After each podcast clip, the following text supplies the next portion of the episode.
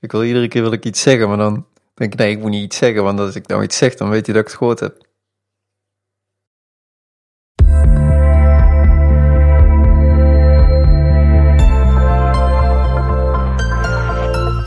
Ik heb nog een leuk eh, kort stukje. Eh, DHH, Ook, ook wel bekend als. ook wel bekend als David Heinemeier Hansen.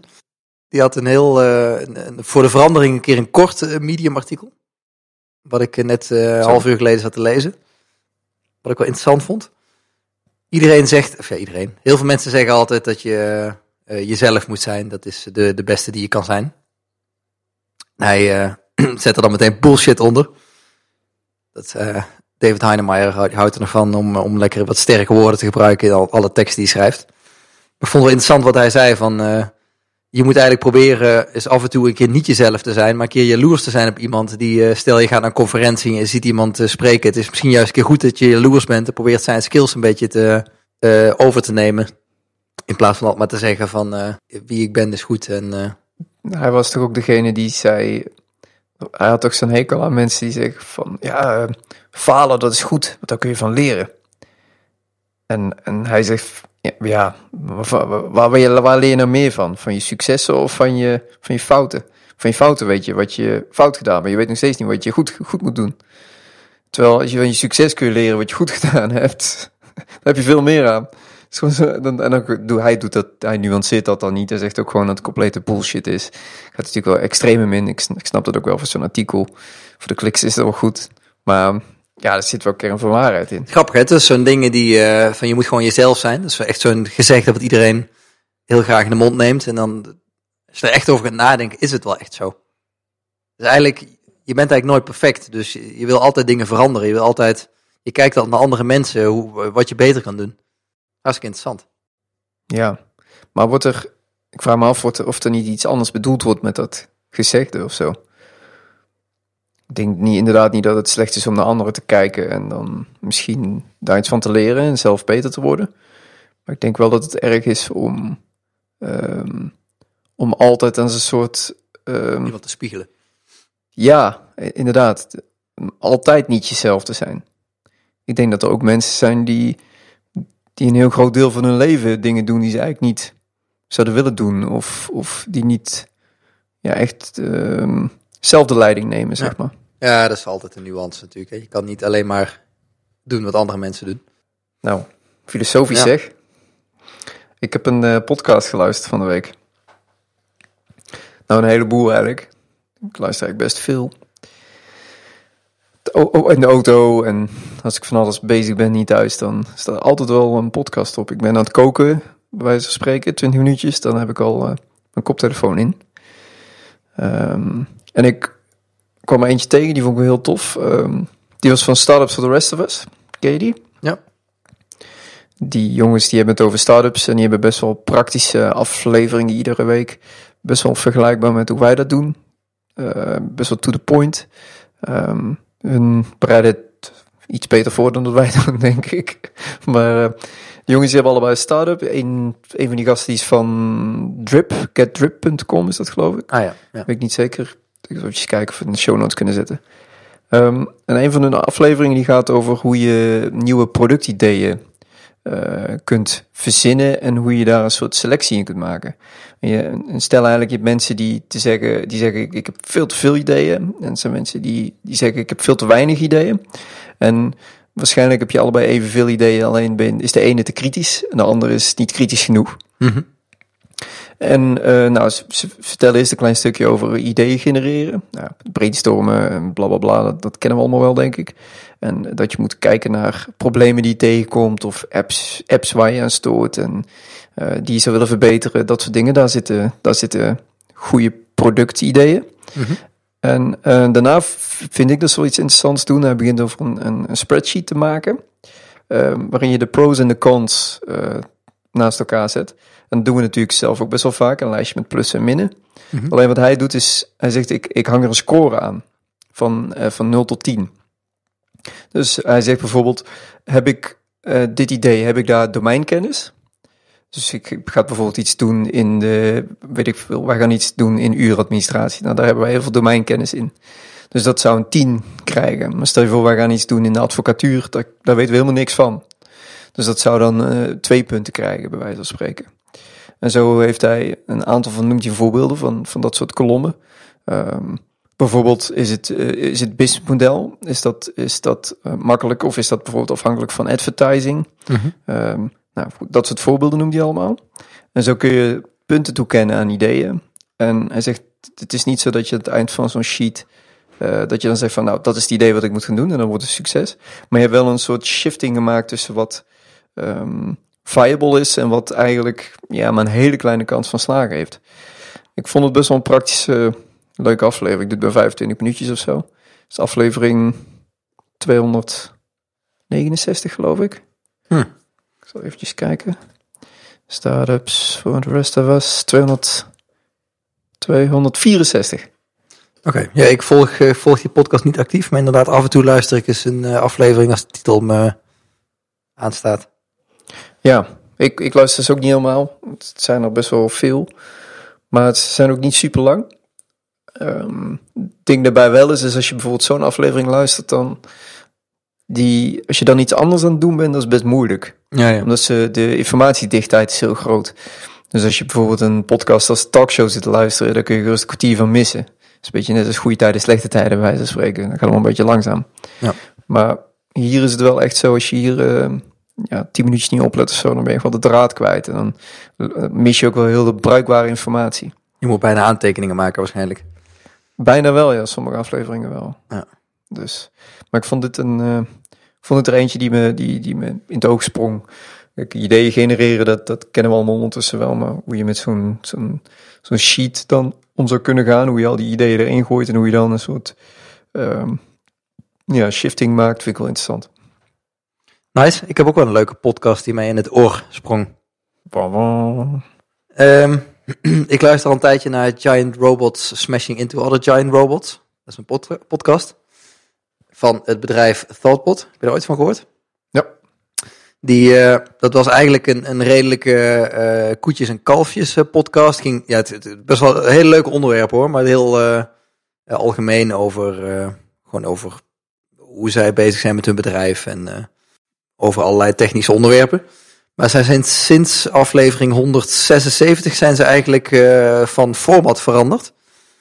En uh, het idee is dat uh, Ben Ornstein en Chris Toomey, die hebben elke week, praten die met elkaar over het product waar zij aan werken. En wat het leuke daarin is, is dat zij elkaar van allerlei advies voorzien. want, want zij, zij zaten op een gegeven moment zaten met elkaar te praten over, de, over die, die producten waar zij aan werken. En er kwam eigenlijk zoveel interessante informatie uit. Dat ze op een gegeven moment dachten van ja, waarom, we moeten gewoon één keer per week moeten een uur praten. En waarom nemen we dat gesprek niet gewoon op? En dat zijn ze dus gaan doen. Ze hebben nu dus uh, twee of drie afleveringen hebben ze inmiddels al gedaan. En in die afleveringen vertellen ze dus echt over uh, de, de dingen die ze de afgelopen week gedaan hebben en wat ze willen gaan doen. En die andere persoon die geeft ook hele interessante feedback dan daarop. En daar heb ik echt al een aantal dingen uitgehaald die, die super interessant zijn. Dus dat is echt wel een aanrader. Uh. En wat heb je er bijvoorbeeld uitgehaald? Nou, ze hadden een heel interessant stuk over pricing. Wat, uh, hoe, hoe zij daarover denken bij, uh, bij Upcase, dat is hun product. Um, ja, wat, wat voor afwegingen er eigenlijk zijn, of wat bepaalde prijsstrategieën zijn en hoe duur je kan gaan en hoe goedkoop je kan gaan. Ik kan best zelf even luisteren hoe dat ze precies erover zeggen. En wat ik ook goed vond, moet ik even nadenken. Ah, ja, wat, wat, mij heel, wat ik ook heel erg motiverend vond, was dat ze uh, ze hadden het erover dat ze nieuwe gebruikers gingen benaderen. Gewoon iemand die zich aanmeldde. Die gingen ze daarna gewoon even actief benaderen om te vragen van... oké, hoe ben je bij ons product gekomen? En uh, wat, wat vond je van de aanmeldflow en dat soort dingen? Om daarvan te leren en om het product beter te maken. En wat ja. toen die andere jongen ook zei, wat, wat zijn feedback eigenlijk was... van oké, nu vind je eigenlijk alleen mensen die al zich aanmelden... en dan kies je waarschijnlijk de mensen uit die, die voldoen aan een aantal criteria die je stelt... Dus dat zijn waarschijnlijk altijd heel positieve mensen. En wat hij zei is, probeer eens wat mensen, gewoon willekeurige mensen op internet, die uh, waarschijnlijk interesse in je product zou hebben, vraag die eens om, om naar de pagina te kijken. En kijk dan via Skype mee en vraag van, wat zie je op de pagina en meld je eens aan en kijk eens hoe ver ze komen. Kijk wat ze ervan vinden. Dat dat veel kritischere mensen zijn, waarschijnlijk zijn over, over het product. Ja, het, het, het zou vele malen interessanter zijn de mensen die zich niet aanmelden, om die te spreken te krijgen dan de mensen die zich wel aanmelden. Ja, en dat is natuurlijk heel lastig als je kijkt naar mensen die zich aangemeld hebben. En dat is je, je selectie van mensen. Ja, Dus dat vond ik echt heel, eh, heel inspirerend om te horen. En dan, dan ga je ook nadenken van ja, hoe kan ik dit zelf toepassen? ja. Oké, cool. Het doet me ook denken aan die podcast van Jason Fried en de andere gozer, ik best Nathan, Nathan nog iets. Die, ehm, die, die, volgens mij heeft die jongen High Rise overgenomen. Ja, Work in Progress heet die podcast volgens mij. Ja, die, volgens mij doen die bijna twee keer per week of zo meeten. Dus zodra ze een podcast een te hoog tempo heeft, dan haak ik wel echt af. Want dan, ja, dan kan ik het gewoon echt niet bijbenen. En volgens mij is het ook een videopodcast. Ja. Ehm, dus dat, ja, terwijl ik denk van ja, het zijn twee jongens die zitten te praten. Ik zie alleen een pratend gezicht. Doe gewoon audio. Ehm, maar goed, eh, die, die heb ik een paar gevolgd, maar dat, ja, dat, ehm, wat ik zeg, de tempo vond ik te hoog. Maar het doet me een beetje aan denken, want die jongens die, die delen ook ervaringen van Basecamp en van High-Rise en hoe het gaat en waar ze mee bezig zijn. Dat is ook wel interessant. En het is ook heel leuk, Dus, voor die, eh, je merkt ook dat die gasten elkaar eh, motiveren. En ook doordat ze zeggen van ik wil volgende week dit bereikt hebben. Dat zeggen ze dan in een podcast waar weet ik veel hoeveel mensen naar luisteren. En dan, dat is dan voor hun ook meteen de stok achter de deur. Dat is ook heel Ja. leuk om, dat, eh, om, dat, om te merken hoe dat, eh, hoe dat werkt voor die mensen. Ja, ja. leuk. Ik eh, zal hem eens downloaden. Ja. Zijn het lange shows? Ja, die, die twee zijn toevallig een uur. Maar ja, ik, ik denk dat ze uiteindelijk wel richting het half uur zullen gaan. Oké, Vermoed ik. dan eens kijken. Ja, dat is nadeel podcast. Het is heel tof, maar tegelijkertijd moet je heel kritisch zijn. Dat je, er zijn zoveel goeie. Ehm dan, dan probeer ik ook bij ons in de show eigenlijk maar één aflevering te delen iedere keer. Omdat het, als je ze allemaal moet gaan volgen, is niet te doen joh. Ja. Dat ging met de RSS vroeger eh, een stuk makkelijker. Maar Ja, het is heel anders dan lastig. inderdaad een, een tweetje wat je leest. Of een, eh, zelfs een, eh, een post op Medium. Die kan je veel sneller lezen dan de gemiddelde podcast. Ja. ja, wat ik zelf doe, ik heb, ik heb een aantal waarop ik gesubscribed ben. En ik heb een hele lijst met podcasts ehm, waar ik ooit wel eens eentje van geluisterd heb. En die check ik zo nu en dan eens. Soms, eh, die subscription lijst is eigenlijk maar heel klein. En ehm, soms dan heb ik niks meer en dan ga ik door die lijst heen kijken even snel van oké, zit er nog wat interessants tussen? En dan download ik een, eh, een aflevering ervan. Had, je, had, je nog, had je nog een... eh, nog iets op je lijst staan, eh, Roland? Nou, ik had nog een vraag van, eh, van een luisteraar die, die een hele tijd geleden gesteld werd. Mhm. En vind ik best een interessant onderwerp, vooral omdat het eh, heel dicht bij mijn werk ligt. Het gaat over design eh, en dan specifiek design binnen Scrum. Hmm. En het blijft soms een beetje bijten eh, in sommige werkomgevingen. Ja. Dat, dat dat niet helemaal lekker gaat. En mensen proberen daar een soort generieke oplossing voor te verzinnen. En dat is, dat is moeilijk. En hij vroeg net vaak van ja, hoe, hoe, hoe kun je daar nou het beste mee omgaan? Eh, hoe ver werk je vooruit? En, en hoe, hoe ga je om met, ehm, ja, als, als designer, stel je voor dat, dat eh, die kijk op design heel erg verschilt met, met die van een developer. Hoe ga je daarmee om? Ja, ik vond het wel interessant om het daar eens over te hebben. Ja, wat, wat, voor, eh, wat voor smaakjes zijn er eigenlijk? Ehm, nou, dat weet ik niet precies. Ik, weet, ik het kan eigenlijk alleen maar vertellen hoe ik het doe. Mhm. En ehm, ik denk dat het ten eerste een mindset is die je een beetje moet veranderen binnen jezelf. Dat is, dat is wat bij mij in ieder geval gebeurd is. Ehm, ik kom natuurlijk vanuit interaction design, dus dan zit je vroeger in, in waterval, of nou, nog steeds in waterval, zit je helemaal vooraan in het proces en dan moet je van tevoren alles gaan bedenken. Maar je hebt die glazen bol en verzin jij het maar. En dat idee, dat is denk ik het eerste wat je los moet laten in, eh, in Scrum. Is dat je van tevoren alles bedenkt. Kan wel leuk zijn dat je dan helemaal los kan gaan natuurlijk. Ja, dat, dat is ook hartstikke leuk. Ehm, maar tegelijkertijd vind ik het ook wel heel tof om dat niet te hoeven doen. Mhm. Ehm, om dat te laten ontwikkelen. Ehm, dus, en, en het idee dat jij dat helemaal zelf moet doen, dat is ook iets wat ik, eh, wat ik, wat ik los heb gelaten. Ik vind het veel interessanter om, om iets, eh, iets met het team te overleggen en met het, eh, met het team samen tot een oplossing te komen. Vind ik over het algemeen leuker dan wanneer ik de oplossing van tevoren bedenk en dan zegt van, nou oké, zo gaan we het doen. Dat, dat vind ik zelf in ieder geval ehm, ehm, heel fijn. Komen daar ook betere dingen uit, denk je? Zeker weten, ja. Ja, dat is natuurlijk wat werkt beter? Eén iemand die erover nadenkt of de gecombineerde denkkracht van vijf, zes, tien mensen. Dus ik denk dat dat, ehm, ik denk dat dat zeker beter werkt. En eh, omdat je in het begin ook bijvoorbeeld, eh, dan, dan begin je met ontwerpen van iets. En je gaat van tevoren alles bedenken. Want development gaat stukken langzamer dan, dan, dan design. Je kunt in een paar dagen kun je, kun de hele wereld verzinnen.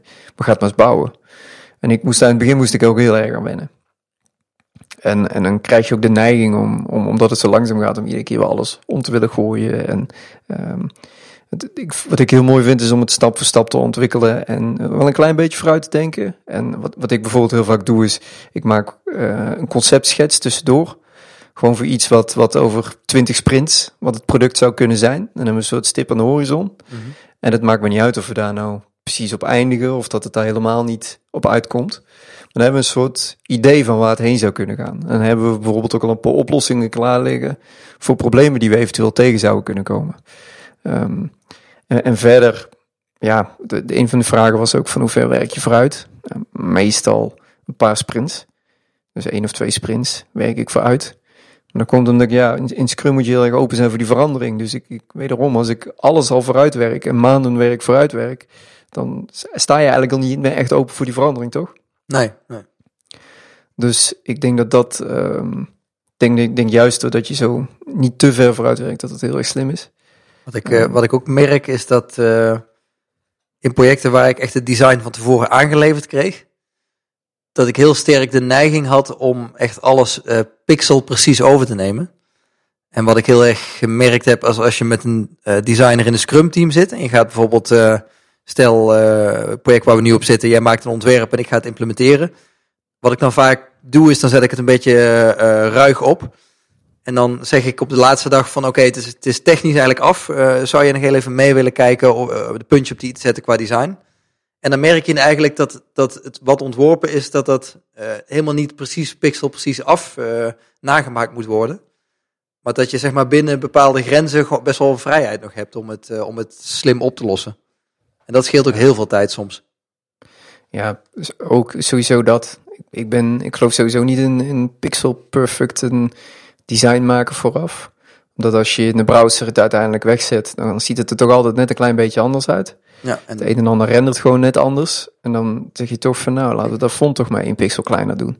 Of laten we dit toch nog een klein beetje meer padding geven. Of, um, wat, je, dus... wat je heel vaak ziet is dat uh, ontwerpers die geven, zitten ruimtes tussen bepaalde elementen. En die, de ene keer is het 10, dan 12, dan 14, dan 16. En als je dat na gaat maken, dan ziet het er prima uit. Maar dan blijkt in één keer, als je gewoon alles op 15 zet, bijvoorbeeld, dat het er veel strakker uitziet. Dat het dan veel ja. rustiger oogt. En als je alles pixel precies zou namaken, dan kom je nooit tot dat soort dingen. Ja. En, en ja, ik merk als je gewoon samen zit met een ontwerper, dan heb je wel de vrijheid om dat soort dingen aan te pakken. Ja, ja ik, ik, ik kan ook iedereen adviseren om een, om een basis in HTML en CSS in... Uh, te gaan leren als je het nog niet kent. Ik denk dat bijna iedereen het ondertussen al wel kent.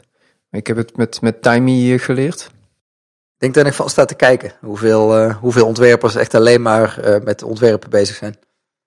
Nou, ik, ik, heb, ik heb met Timey heel veel geleerd. Ik heb, ik heb Git van jou de basis geleerd en, uh, en, en, HTML en CSS of allemaal SAS, wat we dan ook gebruiken. En dat is zo ontzettend handig, want wat je net zegt, je gaat of per programmen of jij zegt van, hey, eh, kun jij er nog even naar kijken? En ik, uh, ik, ik gooi je nog een uurtje tegenaan en ik, uh, ik pas het een en ander aan, waardoor het net wat strakker uitziet. En dan, dan push ik het weer en dan maak jij het af, bij wijze van spreken. Ja. En dat, dat werkt gewoon super goed, vind ik. Dat, dus op die manier hoef je, hoef je ook niet inderdaad perfecte designs op te leveren. Dan hoef je ook niet van tevoren van die enorme plannen te maken of plannen te schrijven. Ik, ik vind juist super fijn om, om niet een design op te hoeven leveren waarin ik alle hoevers en alle foutmeldingen en alle empty states en alles uitgewerkt heb tot in de puntjes. En dan er nog eens bij beschreven hoe het dan moet gaan werken. Uh, of of een animatie moet gaan zitten maken vooraf. Nee joh, dat komt allemaal wel. Zodra we beginnen met die story, dan ga ik gewoon even met de developers zitten of het moment is aangebroken waarop we dat moeten gaan doen. En dan, dan, dan, dan zeggen ze wij, doe jij het even of we doen het samen. En dan pakken we, dan pakken we die errors op, dan pakken we die empty states, dan pakken we al die, die puntjes op die i op. Um, op, op dat moment, wanneer het echt nodig is. En het, scheelt je uiteindelijk ook gewoon tijd. dus ik, ik weet niet, heb jij nog goede of slechte ervaringen of zo, of andere ervaringen? Nou, ik wil nog even terugpakken op wat jij net zegt, dat jij bij Time heel veel geleerd hebt. En ik, en ik denk eigenlijk dat wel een realisatie die ik mij gemaakt heb, die ik nu het zegt, denk ik daarover na. En volgens mij is dat ook, ik denk dat jij dat wel kan uh, bevestigen. Is dat het heel belangrijk is, is dat je een omgeving maakt waarin uh, mensen naar elkaars werk kijken. En dat op het moment dat jij iets aanpast in de code, dat dan niet meteen uh, alles kapot kan gaan. Dus dat je, jij kan gewoon een aanpassing maken, jij kan het ergens neerzetten dat ik het kan bekijken. Daar kunnen we het er nog over hebben, daar kunnen we nog over sparren. En dan, jij kan, dan kunnen we er samen tot een conclusie komen van wat goed is. En dat kan dan uh, uiteindelijk het product worden. En ik denk dat het heel belangrijk is, is dat je, dat je die, uh, dat je een, een, een, uh, een, proces hebt waarin dat kan. Ik denk dat dat ja. heel belangrijk is eigenlijk. Dat je ja, en, en de, de veilige omgeving creëert waarin het kan, denk ik. Dus um, je geeft ook aan dat ik, ik kan ermee aan de gang. Maar ik kan ook niet het hele boek kapot maken, bij wijze van spreken in één keer. Het is ook zo ingericht dat, uh, dat als, ik het, als ik het kapot maak, dan is er absoluut geen man overboord of zo. Dat vind ik persoonlijk best wel fijn. Want het is natuurlijk, ja, ik heb best wel best veel dingen te maken waar ik niet precies kan doorgronden hoe ze werken. Snap je? Ja. Ik, ik doe het allemaal wel, maar als het soms dan zegt Git wel eens krak. En dan, ja, heel soms kan ik het zelf oplossen, maar meestal niet. En, um, maar dat is niet erg. Uh, want we kunnen het heel makkelijk op afstand samen oplossen. Er is geen man overboord. En het is niet zo dat dan, weet ik veel, de app het niet meer doet. Of, uh, ik denk dat, dat vind ik zelf ook wel heel belangrijk. Ja, en zelfs, wetende. en zelfs bij Timey, als jij iets uh, live zou zetten wat, wat niet goed is, wat bepaalde fouten oplevert, dan kunnen eigenlijk met één druk op de knop kunnen we binnen een paar seconden weer terug naar de vorige versie. Ja. Dat, dat is eigenlijk ook een van die onderdelen. Dat je, je moet er eigenlijk voor zorgen dus dat je altijd heel makkelijk dingen live kan zetten en ook weer heel makkelijk dingen terug kan draaien. Ja, ja. Dus dat sluit direct wel bij aan. Ja. Wat ik ook wel, wel, um, wel heel fijn vind werken, is dat um, soms dan komt een product owner met een idee of een stakeholder komt met het idee en dan uh, is dat is het misschien te grof of te groot voor een, voor een story op de backlog, of misschien nog net te pril. Maar wat ik dan heel erg fijn vind, is om dan eventjes een paar uur te pakken of een dagje te pakken om, um, om dat idee even tastbaar te maken gewoon een eerste schets op los te laten. En zeggen van nou, dit zou dat ongeveer kunnen worden, zoiets. En wat het, wat het heel erg doet, is dat voor die stakeholder maakt het heel erg duidelijk van, nou goed, ja, dit, dit is inderdaad wat ik bedoel, of dit is het niet. En voor het team krijg je dan iets heel tastbaars, waarbij we uh, zeker weten dat we het over hetzelfde hebben. En dan iets ook wat we, wat we op dat moment heel goed kunnen inschatten. Ook voor die stakeholder, voor die product owner kunnen we dan zeggen van, nou goed, als je dit wil, dan het is zoveel werk. Ja, dat is wel echt dat een, een, beeld zegt gewoon meer dan duizend woorden. Je kan hele verhalen schrijven over wat je precies wil, maar als je dan één plaatje hebt van uh, hoe het eruit ziet, of hoe het voor de gebruiker dan eruit ziet, dat zegt zoveel meer. Ja, dus ik, ik denk dat als je als ontwerper in Scrum zit en je bent in zo'n team, dan is het heel belangrijk dat je, dat je, dat je die, die stappen uh, terug, dat inzoomen en dat uitzoomen de hele tijd kunt doen. Dus je kunt, de ene moment kun je bezig zijn met hele concrete stories die de volgende sprinter aan zitten te komen. En dan ben je met, met bijvoorbeeld een heel concreet scherm of een heel concreet widgetje of een heel klein dingetje bezig. En het andere moment dan neem je even drie stappen terug en dan ga je eens kijken van oké, hoe ziet dit ding er over een half jaar uit? Uh, misschien hetzelfde scherm of, of, of dit concept van die stakeholder. Um, of, of ja, maar ook dingen, andere dingen die je tussen doet, dus bepaalde sessies of user testing. Of, en wat ik zelf heel goed vind werken, um, en wat ze volgens mij bij Fabriek ook doen. Uh, maar ik zie het ook bij andere designbureaus. Uh, volgens mij bij Eden Speakerman ook wordt heel vaak de combinatierol gevraagd. Designer en Scrum Master. Ah, ja. Dat zijn twee rollen die best wel goed, goed samengaan. En uh, ik vind het zelf ook wel, wel fijn werk. is mij wel in ieder geval wel goed bevallen. Ja.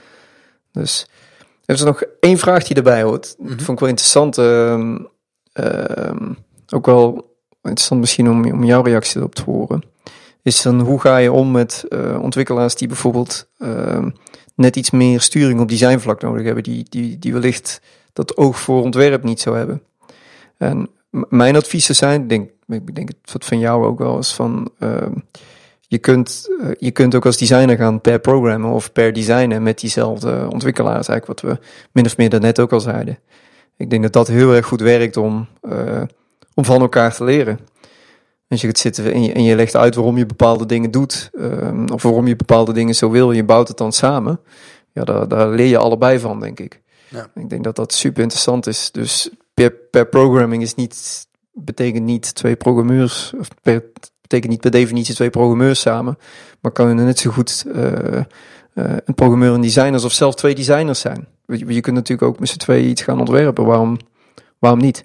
Ja. Ehm, Ja, ik, ik merk dat ik daar heb ik ook echt heel veel van geleerd. Van, eh, eh, dat ik samen met een ontwerper werkte eh, en zag hoe hij bijvoorbeeld een afbeelding uit Photoshop ergens uit een, een asset eruit haalde. Of eh, wa- wat nou belangrijk is in een ontwerp. eh, welke kleuren je moet aanhouden en eh, wat de ruimte is, hoe dat moet zitten. Daar kan je gewoon echt heel veel van leren. Ja, ja. ja, en ik denk wat, wat, wat misschien ook wel belangrijk is, is wat jij net ook ehm, zegt, is die, die details van die 12 pixels en die 14 pixels en die 16 pixels, maar is 15 pixels uiteindelijk eh, eh, de 80 procent, eh, of, of tenminste gewoon het, het, het beste doet en het minste code oplevert. Dan is het ook goed, denk ik, dat je als ontwerper niet te veel aan, aan dat soort details vast gaat lopen klampen. En, en het soms ook wel een klein beetje los kunt laten. Ehm, het is denk ik zonde van je tijd, want uiteindelijk je gebruikers die gaan niet zien of het 12 pixels of 15 pixels zijn. Die gaan gewoon een app gebruiken omdat het een goede app is. En die vinden bijvoorbeeld snelheid veel belangrijker dan, eh, dan, dan het font. Ja. Dus ik denk dat dat ook wel een tip is, denk ik. Ehm, klamp je niet te veel vast aan die details, want tuurlijk zes. Er zijn details die belangrijk zijn, maar er zijn ook een heleboel die er, eh, die er niet toe doen. Of die op een ander moment wellicht eh, beter gedaan kunnen worden. Dat heb ik ook heel vaak gezien. Dat dan, dan zie je iets heel ingewikkelds in een ontwerp. Vanuit technisch oogpunt. En dan maak je dat dus bespreekbaar. Dan zeg je dus, oké, dit is heel veel werk. Maar als we bijvoorbeeld dit zouden doen, dan wordt het in één keer heel makkelijk. En dan hoor je het heel vaak van, oh nee, dan, dan moeten we natuurlijk gewoon dat doen. Want ja, dat is helemaal niet belangrijk. Ja, ja. Daar werken die, eh, die, die schetsen vooraf ook heel erg goed bij. Als je, als je die al maakt voordat je zo'n discussie gaat hebben over inschattingen. En je krijgt dan tevoren van, ja jongens, als team zeggen van, nou dit is, dit, dit is superveel punten om te maken. Maar waarom doen we dit niet zo? En dan, eh, dan, dan hoor ik dat veel liever. Dan vind ik het helemaal niet erg dat ik een, in- initieel misschien iets gemaakt heb wat we niet gaan doen of zo. Dat is geen, geen afwijzing of zo. Je probeert uiteindelijk tot, het, eh, tot de beste en de snelste oplossing te komen. En dat ontwerp wat je gemaakt hebt, dat zorgt ervoor dat, het, eh, ja, dat je daartoe kan komen. Ja. Los van of je het gaat maken of niet. Ja. Ja. Cool. Dus ik, ik hoop dat we daar iets meer hebben kunnen vertellen. Maar ik, ik heb geen definitief antwoord of zo. Ik, ik, ik, ik zat te denken om ook een boek aan te raden, maar ik, ik, ik weet het niet. Ik, ik ken geen boeken die daar echt veel over zeggen. Ik denk dat het heel belangrijk is dat je je eigen weg erin vindt. En vooral dat idee eh, van verandering eh, ja, ehm, vastgrijpt, zeg maar. Nice, oké. Leuk, interessant. Ja, vind ik ook. Dus als er, als er vragen over zijn of mensen willen het erover hebben, dan, dan hoor ik het graag. Want ik, ik vind het ook heel interessant. En ik, ik denk zelf dat ik ook nog, eh, nog ontzettend veel, eh, veel van kan leren. En als het boek er niet is, dan moeten we het misschien maar gaan schrijven. Hè? Maar ja, ik, ik denk dat het wel... ehm, het is een onderwerp waar ik heel veel ontwerpers eh, over horen en over gehoord heb. Dus als er ideeën zijn, tips of vragen, dan laat ze vooral weten. Want we hebben een e-mailadres. Ja, precies. Ik wilde er al naartoe gaan. En ik heb nog een eh, huishoudelijke mededeling. Oh, We hebben eh, volgende week eh, geen aflevering, ah. helaas. We slaan één weekje over. Daarna zijn we gewoon weer eh, volgens het normale schema terug. Yes. Ehm, we hebben inderdaad een e-mailadres. Dat is uh, hallo.uitgeklokt.nl. We hebben Twitter, het uitgeklokt. We willen graag ratings en reviews in iTunes. Die link die kun je vinden op uitgeklokt.nl. Er staat een grote knop linksboven, kun je op klikken. En dan kun je naar iTunes. Subscribe vooral. Ja, en ik heb nog, ik heb nog wel iets. Als je mensen, eh, als je het een leuke podcast vindt, vertel het ook aan iemand anders. Ja, ja hou, die, hou, die, hou die kennis niet allemaal voor jezelf. Misschien hebben andere mensen het ook wat aan. Ja, inderdaad. Hou, hou ons niet voor jezelf. Nee, wees niet egoïstisch. Oké, Top. Dan, tot eh, volgende week. nee, tot over twee weken. Oh ja, tot over twee weken.